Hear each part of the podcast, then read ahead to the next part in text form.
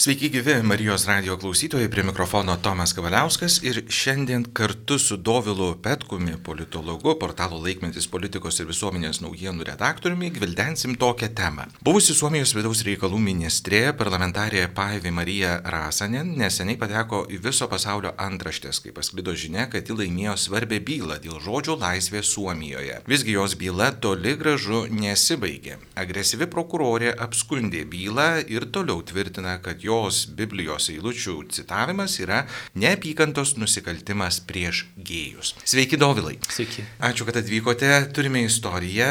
Galbūt tokią įžangą padarykit, kad ir Marijos radio klausytojai galbūt kažkam tai bus naujiena, gal kažkas tiesiog, na, nesiekė bylos baigties. Už ką 22 metais buvo pareikšti kaltinimai Suomijos parlamentarai, kuomet jį citavo Bibliją. Taip, tai iš tikrųjų ši istorija prasidėjo dar, kaip ir minėjot, praeitų metų pradžioje, kuomet e, Paivi Rasanen, tai yra Suomijos politikė, kuri beje šiemet buvo perinkta į Suomijos parlamentą ir buvusi vidaus reikalų ministrė, už Biblijos citavimą buvo paduota į teismą, esą e, ši Biblijos eilutė, beros tai buvo iš laiško romiečiams vieta, kuomet būtent homoseksualų santykiai apibūdinami kaip gėdingi. Už tokią poziciją politikė buvo paduota į teismą ir buvo bandoma įrodyti, kad tai yra neapykantos kalba. Tai yra tam, na, Skandinavijoje irgi yra jau tokie neapykantos kalbos įstatymai patvirtinti, kurie buvo apie tam tikrų momentų ir pas mus bandomi įnešti. Ir, būtent dėl šių įstatymų politikiai grėsė ir galimas laisvės atimimas, ir didelės baudos. Ir tiesa, tiek pirmos instancijos teismas Helsinkio, tiek, tiek vėliau apskusta dar kartą buvo ši politikė įrodė, kad, na, tam tikriem žmonėm ar grupiai žmonių galbūt Biblija pasirodo įžeidžianti, tačiau tai niekaip nepykantos kalbos neturėtų reikšti. Tai bent jau kol kas, kol nėra apskūsta galbūt dar toliau, tai toks teismo sprendimas Suomijoje galioja. Kas buvo tas, kuris, na, inicijavo tokią bylą? Iš tikrųjų tai yra pakankamai įdomus faktas ir tai, kad e, Paivi Rasanen ne tik e, už jos e, būtent Twitterio paskyroje pasirodžiusią žinią, tą Biblijos citatą, tačiau taip pat už jos reakciją į Helsinkio liuteronų bažnyčios poziciją homoseksualų pasididžiavimo parado klausimų. Tai yra jinai sukritikavo būtent beje bažnyčią, kurie pati priklauso, tai yra Suomijos liuteronų bažnyčia, jos viskupija paremė homoseksualų eitines. Ir ir, ir jinai sakė, kad tai yra absoliučiai nepriimtina ir, ir, ir toks, toks dalykas yra, kaip ir minėjau, Biblijos tada gėdingas ir panašiai. Ir, ir matyt, susilaukė kažkokių suinteresuotų asmenų skundo ir tada jau prokuratura pradėjo tyrimą ir, ir teismą. Čia yra įdomesnis turbūt dalykas yra tai, kad e, Paivi Rasinent, kaip jinai reagavo į visą šitą persiekėjimą, ar ne, ir prokuratūros bylas ir tyrimą, jinai buvo apklausinėjama daugiau nei šešias valandas ten keitėsi pareigūnai ir panašiai, jinai, jinai tai liudėjo savo interviu. Tačiau įdomi yra šios politikės reakcija į visą tai. Aš kuomet stebėjau tą interviu, jinai labai džiaugsmingai pasitiko Tikrai čia toks krikščionio liudijimas, jinai labai džiaugsmingai pasitiko šitą persekiojimą, galim sakyti. Ir jis sakė, aš turėjau kaip tik išskirtinę galimybę liudyti Jėzų ir, ir, ir cituoti Bibliją žmonėm, kurie galbūt nelabai jau buvo seniai apsilankę bažnyčiai, nelabai kažką apie tai girdėję. Ir sakė, aš labai kantriai pareigūnam tas šešias valandas citavau Bibliją ir, ir tikrai stengiuosi pasakyti, kad a, jokios neapykantos niekam aš nejaučiu, tačiau aš turiu savo religinę poziciją. Ir tai yra mano teisė apie ją kalbėti. Tai kad ir kaip stengiasi prokurorai ar, ar pareigūnai, jiems nieko tokio esmingo, kaip ir teismas įrodė, užčiupti nepavyko. Ir, ir tas, tas momentas jos tokio kalbėjimo ir nebijojimo man labai tiesą sakant priminė mūsų sadūnaitė. Net tiesą sakant, vizualiai, kuomet ši politikė kalba interviu, jinai kažkuo yra panaši. Ir tai yra toks nebijojimas, nebijojimas liudyti Jėzų net ir tokiuose, atrodo, labai nedėkingose situacijose. Ar galima būtų teikti, kad, na, ir Lietuvos krikščionys nėra saugus kažką publikuodami socialiniuose tinkluose, uždarose grupėse, arba tiesiog cituodami Bibliją? Atrodo, kad, na, policija šią Suomijos parlamentarė ilgas valandas tardė apie Bibliją, nuodėmės sąvoką. Aš sakyčiau, kol kas Lietuvoje mes neturim tokios teisės saugos reakcijos, bet mes turim tą vadinamą cancel culture, tai yra atšaukimo kultūra, e, kuomet tam tikros patyčios galbūt internete kyla dėl mūsų krikščioniškos pozicijos. Prieš keletą metų berods buvo atvejs, kuomet ir tikybos mokytoja viena telšiuose išsakė savo poziciją homoseksualų santykių klausimų ir, ir buvo dėl to na, sukritikuota ir itin aštriai įvairių influencerių internete. Tai mes turim daugiau tą tokią patyčių iš krikščionių galbūt e, variantą Lietuvoje. Mes neturim dar kol kas realiai veikiančių teisinių instrumentų, tačiau kaip ir minėjau, prieš keletą metų irgi vienų iš dabartinių valdančių iniciatyva buvo bandoma neapykantos kalbos įstatymus įtvirtinti, įtvirtinti ir Lietuvoje. Ir čia jau būtų iškart e, dar didesnė grėsmė krikščionim kalbėti apie savo religiją ir taip įsijungtų jau ir teisinis persikėjimas, ir, ir prokuratūra ir panašiai, ir mes turbūt matytumėm tą analogišką atvejį kaip Suomijai. Ir, ir čia reikia pabrėžti turbūt, kad neapykantos kalbos įstatymai, kuomet jie yra priiminėjami ir politikai apie juos kalba, tai jie dažniausiai sako, mes norime, kad žmonės bendrautų mandagiai. Mes čia tiesiog siekiam, kad jie, jie būtų mandagus. Tačiau, na, mandagumas yra tas toksai kultūros išsiauklėjimo dalykas, o aišku, yra atvejai, kuomet mes turim, pažiūrėjau, šmeišto atvejus, ar ne, ar, ar, ar panašiai, tuomet žmogus gali kreiptis į teismą. Tačiau būtent neapykantos kalbos kaip tokie įstatymai, jie apibrėžia, kad tai, kas atrodo tau kaip įžeidžianti tave kalba ir yra neapykantos forma. Taigi, taigi tokiems įstatymams įtvirtinus ir, pavyzdžiui, jeigu jie atsirastų Lietuvoje, būtų labai sudėtinga kalbėti apie viešą krikščionybės liudymą, apie viešą kalbėjimą, apie tikėjimą, apie tai, kaip Ir čia ne tik krikščionybė, galim sakyti, ir kitos religijos, kurios nepataiko į tą politkorektišką toną, ar, ar kalbėjimą apie seksualumą, apie tai, kas yra nuokrypis, tai visos jos na, susilauktų tam tikro persikėjimo, arba būtų galima labai lengvai interpretuoti, kad štai tokia pozicija, kurią išsako religinė bendruomenė, mane asmeniškai žaidžia ir dėl to tai yra nepykantos kalba ir dėl to tai yra įstatymo pažeidimas. Tai, tai tokiu atveju čia jau būtų, būtų rimtesnė problema. Kol kas turim tokią daugiau patyčių variantą iš, iš iš kai kurių liberaliau mąstančių žmonių, tačiau kol kas neturim teisinio persikimo. Kita vertus, ar jei būtų tas įrankis įteisintas, kalbu apie neapykantos kalbą kažkokiu įstatyminiu lygmeniu, ar tai nebūtų tam tikras susidorojimo įrankis? Čia yra toks paradoksas, sakyčiau, tų žmonių, kurie dažnai kalba apie laisvę, tačiau paraleliai, kaip minėjau, tie patys asmenys ir stumia tokius dalykus kaip nepykantos e, kalbos įstatymus ir kuomet mes na, vis dėlto esam skirtingi nuo tam tikrų rytų despotijų ar panašiai ir, ir labai mėgstam tai pabrėžti, kad esam laisvesnė visuomenė, kur galim pasakyti, ką galvojam, Tačiau tokiais įstatymais mes iš tikrųjų tampam, na, sakyčiau, panašus į tuos autoritarinius režimus, kurie ir bando nutildyti, nutildyti savo žmonės. Ir kai tai pradedama dažniausiai, iš tikrųjų, prieimus nepykantos kalbos įstatymus etatiniais tais pažydėjais dažniausiai ir tampa dvasininkai visų pirma, na, kurie susilaukia dažniausiai ir pirmiausia skundų. Tačiau mes žinom, kad, kad pavyzdžiui, tokių pavyzdžių e, būta ir daugiau e, ir Junktinėse valstijose, ir Didžiojo Britanijoje, pavyzdžiui, toks žinomas psichiatras Kanadoje Jordanas Petersonas arba, arba na, Hario Poterio knygų autorė, J.K. Rowling iš Britanijos, kuomet jie pasisakė kritiškai apie transseksualumą. Tai jie taip pat buvo jiems iškeltos bylos ir jie buvo persikėjami ir, ir, ir, ir tampomi po teismus, berots ponios Rowling byla dar irgi tebesitėse. Tai tai yra na, tipiškas pavyzdys, kai ir ne tik religinės bendruomenės, tačiau apskritai žmonės, kurie netokia ar nepakankamai liberalią pasaulyje žiūrė, negu tam tikri e, politinė linija diktuojantis lyderiai, tai jie, jie yra bandomi užčiaupti ir čia jau niekaip neprimena laisvos visuomenės principų. Kodėl šių dienų pasaulio nuodėmės įvardinimas, kažkokio veiksmo pavadinimas nuodėmingo atrodo kaip neapykantos kalba? Geras klausimas.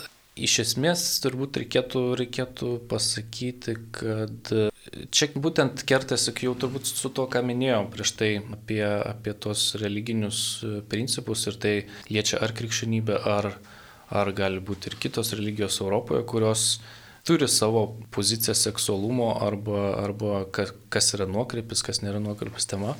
Ir jos na, negali atsitraukti kažkaip ir pradėti sekti tą pasaulio dvasę šiaip jau.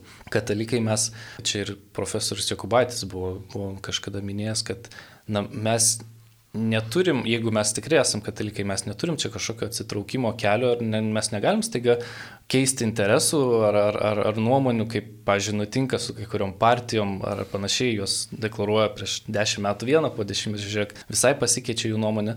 Tai katalikai krikščionys, jeigu jie yra tokie, jeigu jie iš ties vadovaujasi bažnyčios žinia ir katekizmų ir taip toliau, tai jie negali atsitraukti nuo savo įsitikinimų Ir dėja, tačiau tam tikrų liberalių politikų požiūrių tai yra traktuojama jau kaip neprimtina pozicija, nes krikščionis tampa tais, kurių neina perauklėti. Didelę dalį visuomenės jiems galbūt pavyksta kažkaip paveikti ar įbauginti.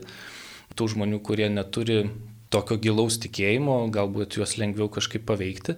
Tačiau žmonės, kurie, kurie yra tikintis ir kaip matėm ir, ir Suomijos ar ne variantų, ponios, ponios Paivirasanen atvejais, e, Suomija turbūt yra viena tokia na, sekuliariausia, teistiškiausia šiaip valstybė Europoje. Tačiau, na, Paivi tikrai, tikrai yra tikėjimo moteris, e, kaip, kaip jie apibūdina nuo pat 16 metų, jinai kasdien pradeda nuo Dievo žodžio ir, ir, tai, ir tai matosi. Ypač kuomet jinai atstovauja tą savo poziciją teismuose ir matyti tokia pozicija jinai tampa pernelyg nepriimtina. Ir tą nuodėmę ir bandoma tada. Tai, ką mes kaip krikščionys įvardinam kaip nuodėmę, bandoma pritemti prie neapykantos kalbos įstatymų ir nutildyti, nes, nes tai krikščionis tampa ta tokia ne, nepaveikiama grupė kuri, kuri ne, nepersijauklėja niekaip pagal liberalią liniją, kaip norėtų tie liberalus politikai. Su stipriu stuburu, taip, labai taip. aiškiu. Pavi Rasinen pagal pareikštus kaltinimus laukė dviejį metai laisvės atėmimo arba didelė bauda. Ar tai nėra perdėtai griežtos bausmės skirtos įbauginti ir atskleidžiančios teisinės sistemos neteisingumą ir savivalę? Na, piknaudžiavimą gale. Mes šiek tiek palėtėm šitą klausimą. Bet, na, tai, kas yra įvardymai, iš tikrųjų rodo, kad, na, tas vėzdas kelias jis yra sunkus ir stiprus. Taip, tai poniai Pavirasan iš tikrųjų e, grėsė kalėjimas ir, ir, ir, ir finansinės nuobaudos ir tas Tas iš tikrųjų atskleidžia, kad e, tas parodo būtent, kas vyksta vakarų Europoje. Tai yra gana toksai subtilesnis be abejonės persikėjimas, negu mes turim kitose pasaulio kraštuose ar Afrikoje, ar Azijoje mes turim, ypač turbūt Afrikoje reikia pabrėžti, variantų, kur krikščionis yra persikiojami ir žudomi ir, ir, ir panašus variantai. Tai vakaruose tai vykdoma subtiliau, vykdoma jungiant teisminius procesus, gazdinimą, bausmes, baudas ir panašiai. Tai be abejo skiriasi, tačiau šiemet berots buvo vienas pirmųjų atvejų, kuomet e, įvairios būtent pažeidimus prieš krikščionių įsitikinimus sekančios organizacijos, prieš religijos laisvę, sekančias, sek, organizacijos, kurios seka situaciją dėl krikščionių laisvės pasaulyje, būtent pirmą kartą įtraukinėjo ir tokius atvejus kaip Pavio Rasinant ir panašius, kad tai krikščionių perskimas jau tampa ne tik kažkokių ar islamiškai ar agresyviai prieš krikščionius nusiteikusių kraštų dalykų, tačiau ir tų vakarietiškų, vakarietiškų valstybių ir vakarietiškų bendruomenių klausimų. Tai tai yra gana nauja. Aišku, šitas sprendimas Suomijoje ir Suomijos teismų, bent jau kol kas, jį, jį reikia sveikinti ir tam tikrą prasme jo pasidžiaugti, e, nes jeigu jie būtų teisėjai nusprendę kitaip, tai tada iš vis mes turbūt turėtumėm laviną lavina teismų, skundų ir panašiai ir būtų labai sunku viešai toliau kalbėti apie savo tikėjimą turbūt ir tai, tie visi liudymai jau būtų traktuojami kaip kažkokie nepykantos kalbos principai, kaip nepykantos kalbos įstatymo pažeidimai ir, ir tas persikėjimas, na, jisai tikrai išauktų į kur kas kažką didesnio.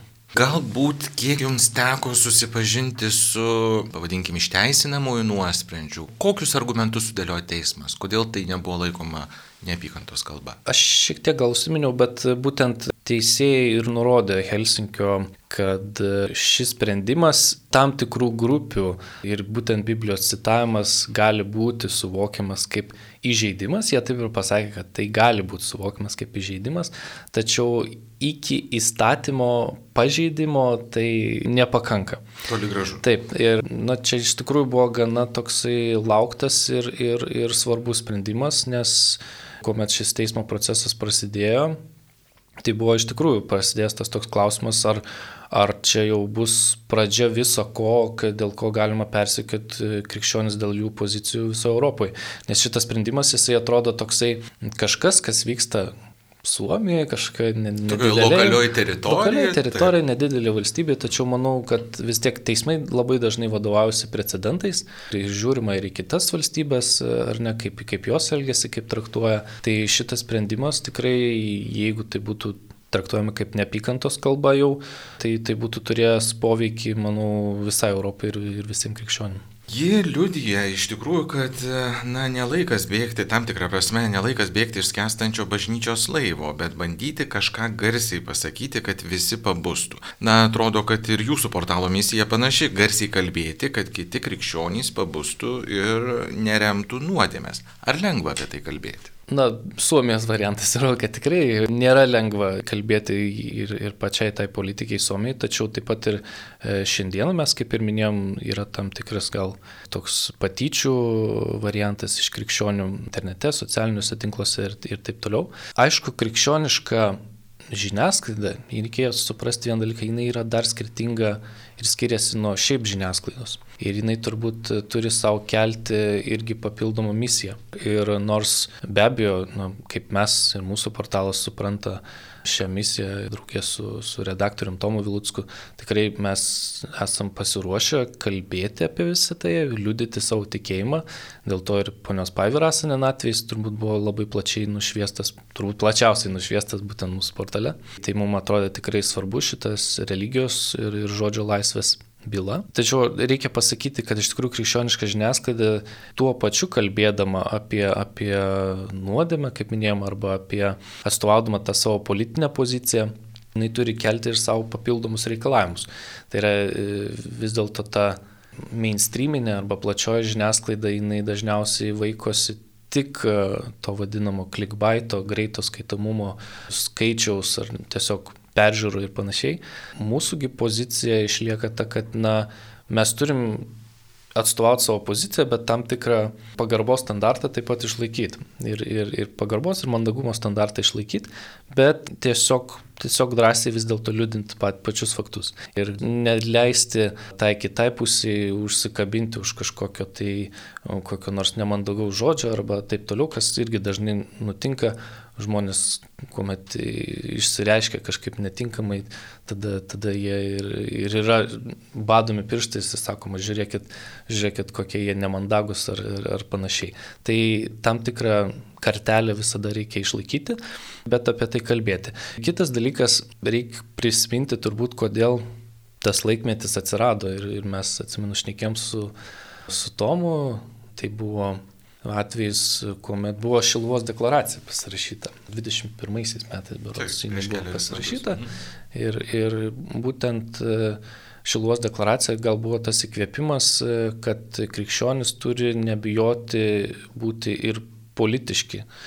Nes, e, na, ypač pastaraisiais metais, ta tokio E, spaudimo tose sritise, ar dėl vienalyčių partnerysčių, ar mes turėjom tam tikrus atvejus, kuomet e, abortų įvairūs variantai, cheminio aborto, turėjom variantus dėl, dėl įvairių iniciatyvų, dėl lyties keitimo ir panašių. Tai, na, iš tikrųjų atėjo tam tikra situacija, matyti, toks, toks jau stuktelėjimas į nugarą, kad, kad čia reikia kažką daryti, reikia apie tai kalbėti ir krikščionim apie tai taip pat pradėti kalbėti, nes mes dažnai, na, galbūt pač Lietuvoje ir esam linkę kaip ir to sovietmečių virtuvėse užsidaryti, tai mes tose savo bendruomenėse užsidarom ir gal tarpusavį tik bendraujam ir nenešam to žinios į viešumą. Tai čia būtent buvo nusprendėm, kad tokio portalo reikia, tokios žinios reikia ir kaip minėjau, be abejo, išlaikant tam tikrą krikščioniškos medijos standartą, bet, bet apie tai kalbėti būtina, nes, nes kitaip ta laisvė krikščionim taip pat sum pradės siaurėti, mažėti ir, ir galiausiai atsitiks taip kaip toj Suomijoje ar, ar, ar kitose kraštuose, kur minėjom apie, apie tos teismo atvejus. Mėlyje Marijos radio klausytojai, primenu, kad e, mūsų studijoje Dovilas Petkus, politologas, portalų laikmetis politikos ir visuomenės naujienų redaktorius, o kalbamės apie buvusią Suomijos vidaus reikalų ministrę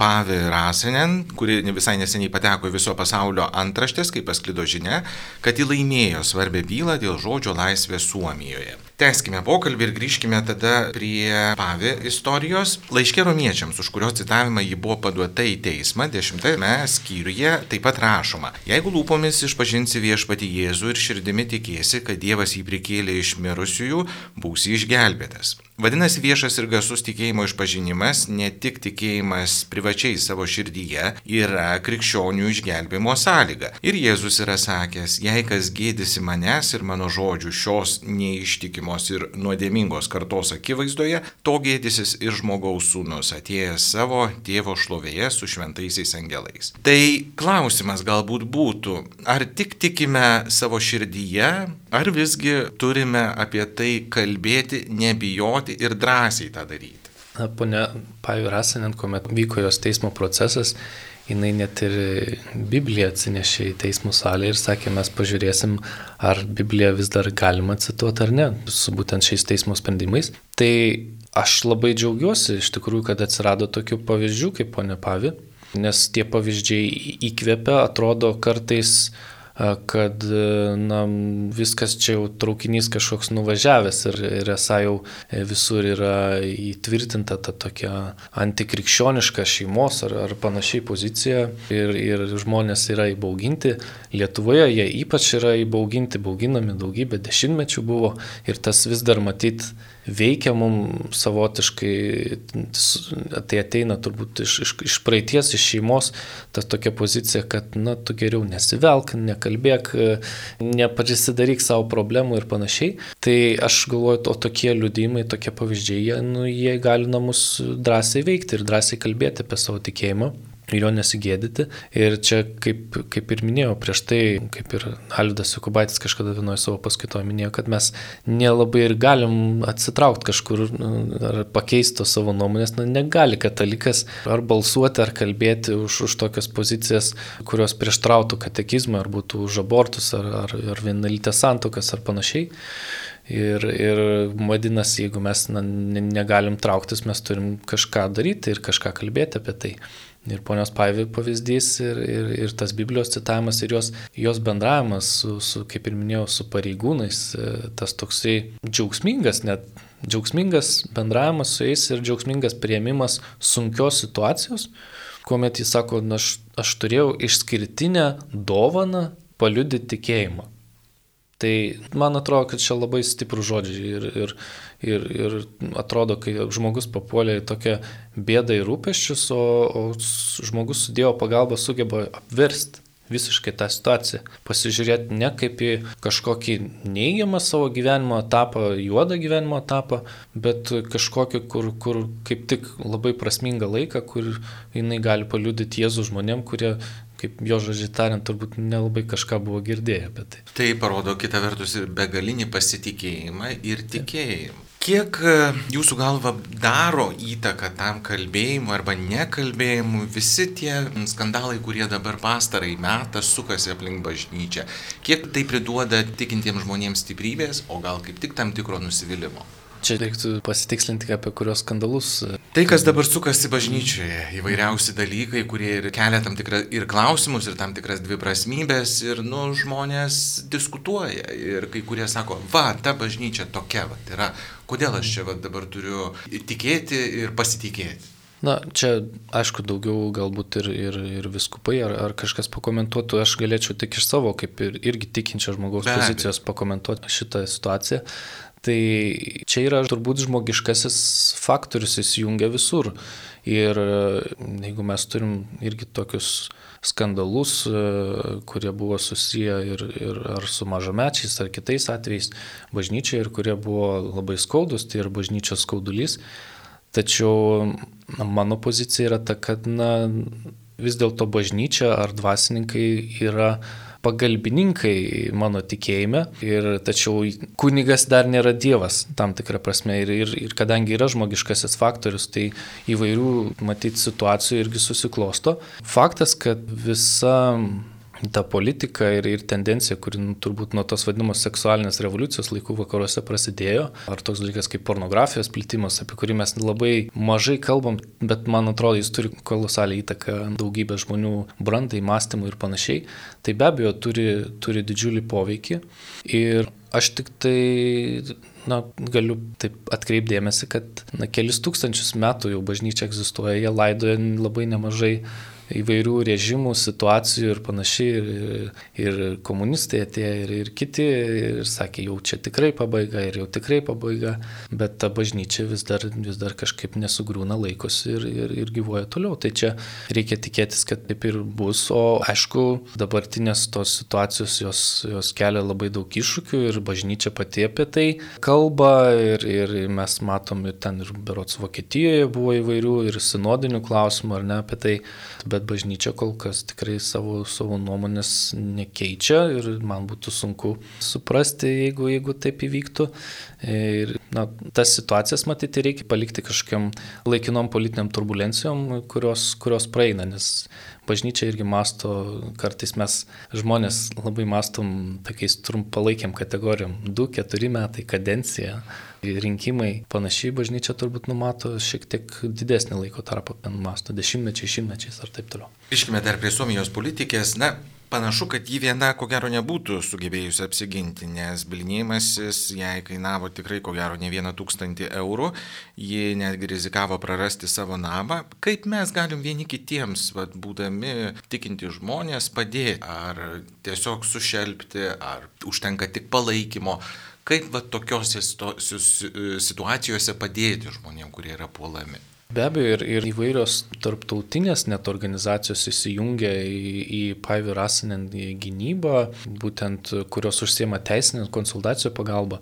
Tai, tai buvo, manau, didžiulė paspirtis poniai Paivi, kadangi, kaip ir minėjot, teismo procesas ilgas ir, ir brangus reikalas. Tai būtent čia yra turbūt pavyzdys, kad na, tas organizacijas mums verta išlaikyti, paremti, sekti jų veiklą, nes jos e, gali, gali padėti tiesiog e, netgi, netgi va, tokiu atveju ir tiem politikam. Aš galiu pasidžiaugti, kad Lietuvoje iš tikrųjų e, atsirado prieš porą metų iniciatyva dėl krikščionių profsąjungos, kurios, kurios iš tikrųjų būrė, būrė įvairių profesijų žmonės ir, ir stengiasi juos atstovauti. Aš manau, kad na, kol kas mes dar neturim tiek daug tokių atvejų kaip vakaruose, tačiau šitos organizacijos įsteigimas Lietuvoje buvo labai toks prevencinis sprendimas, jau iš anksto pasiruošti galimiem tokiem atvejam ir, ir aš manau, kad ypač mokyklose arba medicinos įstaigose turbūt yra irgi daugiausiai iššūkių.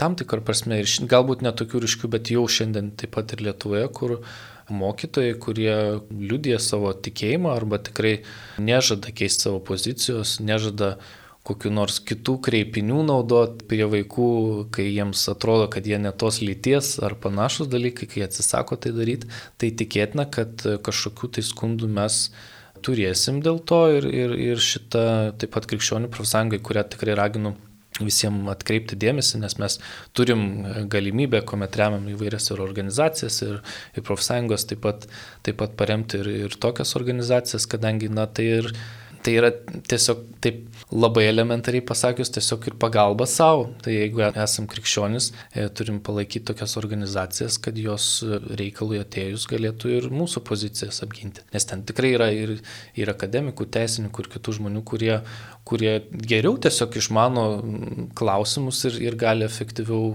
padėti E, mums, kurie, kurie galbūt kartais ne, netiksliai kažką žinom ar įsivaizduojam. Tai tokių, tokių savipagalbos organizacijų jos yra be abejo labai reikalingos. Tarsi kaip tam tikras savišalpos fondas. Taip. Visgi žodžio laisvė nereiškia to, kad pavyzdžiui krikščioniškos žiniasklaidos priemonės transliuotų ir publikuotų viską, ką kas nors įsigeidžia pasakyti. Kaip suprasti žodžio laisvę bažnyčioje ir krikščioniškose organizacijose? Mes šiek tiek kalbėjom apie tai, aš šiek tiek palėtėm, apie, taip. apie būtent tam tikrą standartą, kurį turi atstovauti krikščioniška medija. ir kad tai skiriasi nuo, nuo tos plačiosios medijos, kuri tiesiog vaikosi kažkokių skandalų ar, ar skambių antraščių.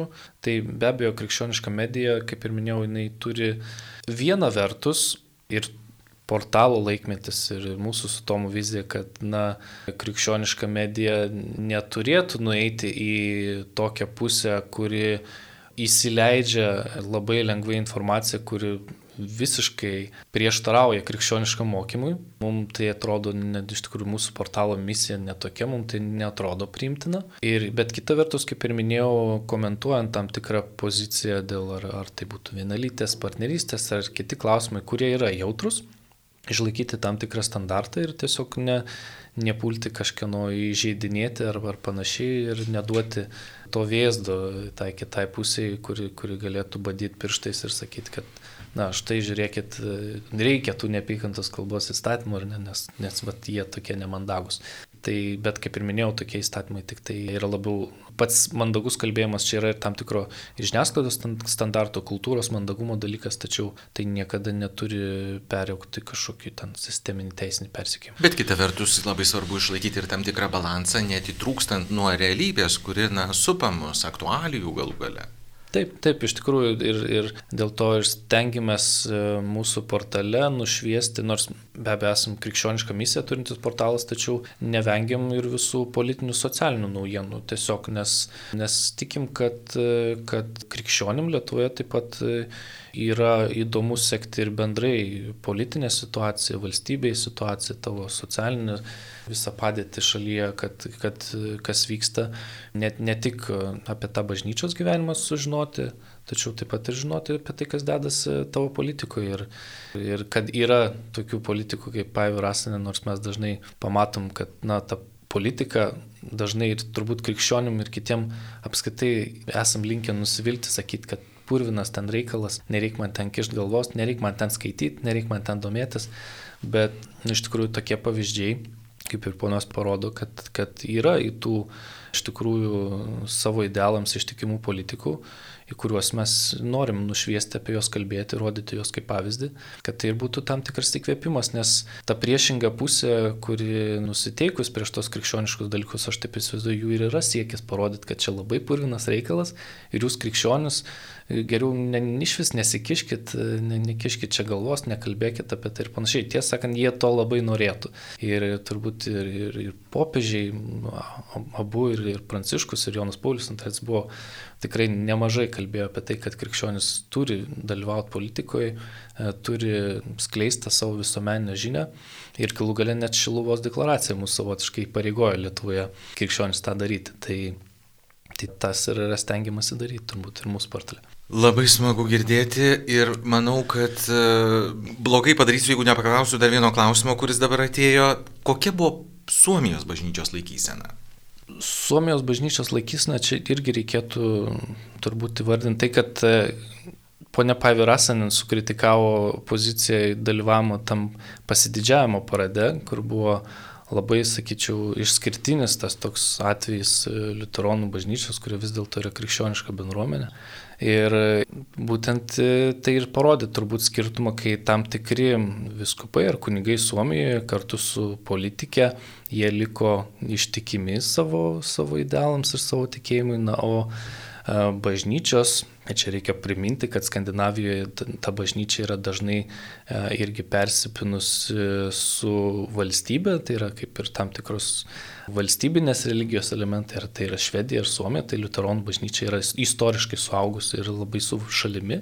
Pas mus na, vis tik yra tam tikra autonomija katalikų, katalikų bažnyčios ir, ir mes turim e, savo vadovą Romoje, tai yra popiežių. E, ten yra didesnio saugimo ir matyt e, tai padiktuoja tam tikrą variantą, kuomet bažnyčios labiau linkusios sekti politinės tendencijas. Ir tai dėja, bet čia jau protestantiškose, lituroniškose kraštuose, ar, ar ypač tai Suomijos atvejs ar panašiai, yra daroma, na, tokių daugiau reveransų tai politiniai pusiai. Ir, ir čia būtent ir buvo tas atvejis, kuomet Paivi Rasinant netrodė, kad, kad jo šalies bažnyčia juda teisinga linkme ir, ir dėl to ir kilo tas ažiotažas, kuomet jinai pasisakė internete, kad, kad kad na, na, nėra tokia tinkama bažnyčios pozicija, ypač kalbant apie tuos pasididžiavimo paradus, ar ne, nes jeigu tam tikrų klausimų ar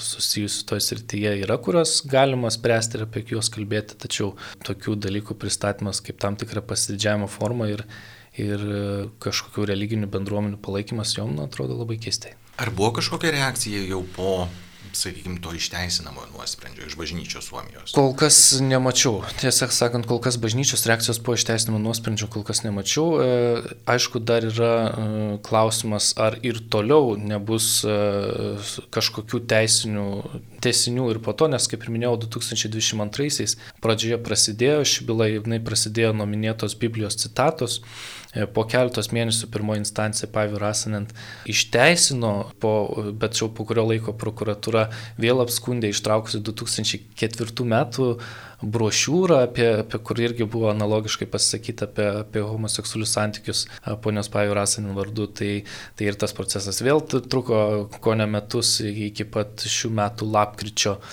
Tai iš tikrųjų tas kol kas sprendimas jis yra priimtas, jis yra svarbus, kaip ir minėjau, Suomijai, krikščionim ir visai Europai, mums žodžio laisvai svarbus, tačiau matyt dar nėra užsibaigę viskas iki pat galo, nėra žinoma, kaip gal, galiausiai šita istorija pasibaigs, gal jinai kelsis į Europos žmogus teisų teismą panašiai. Ir matyt galbūt tada išgirsime kažkokią poziciją ir iš Liuteronų bažnyčios, kol kas, kol kas man pačiam neteko užfiksuoti, kad jie būtų pasisakė tą temą. Tai su ta viltinga gaida, ačiū dar kartelį už dalyvavimą laidoje Dovilui Petkui, politologui, portalo laikmetės politikos ir visuomenės naujienų redaktoriui, o Marijos radio klausytojams linkiu gražios dienos.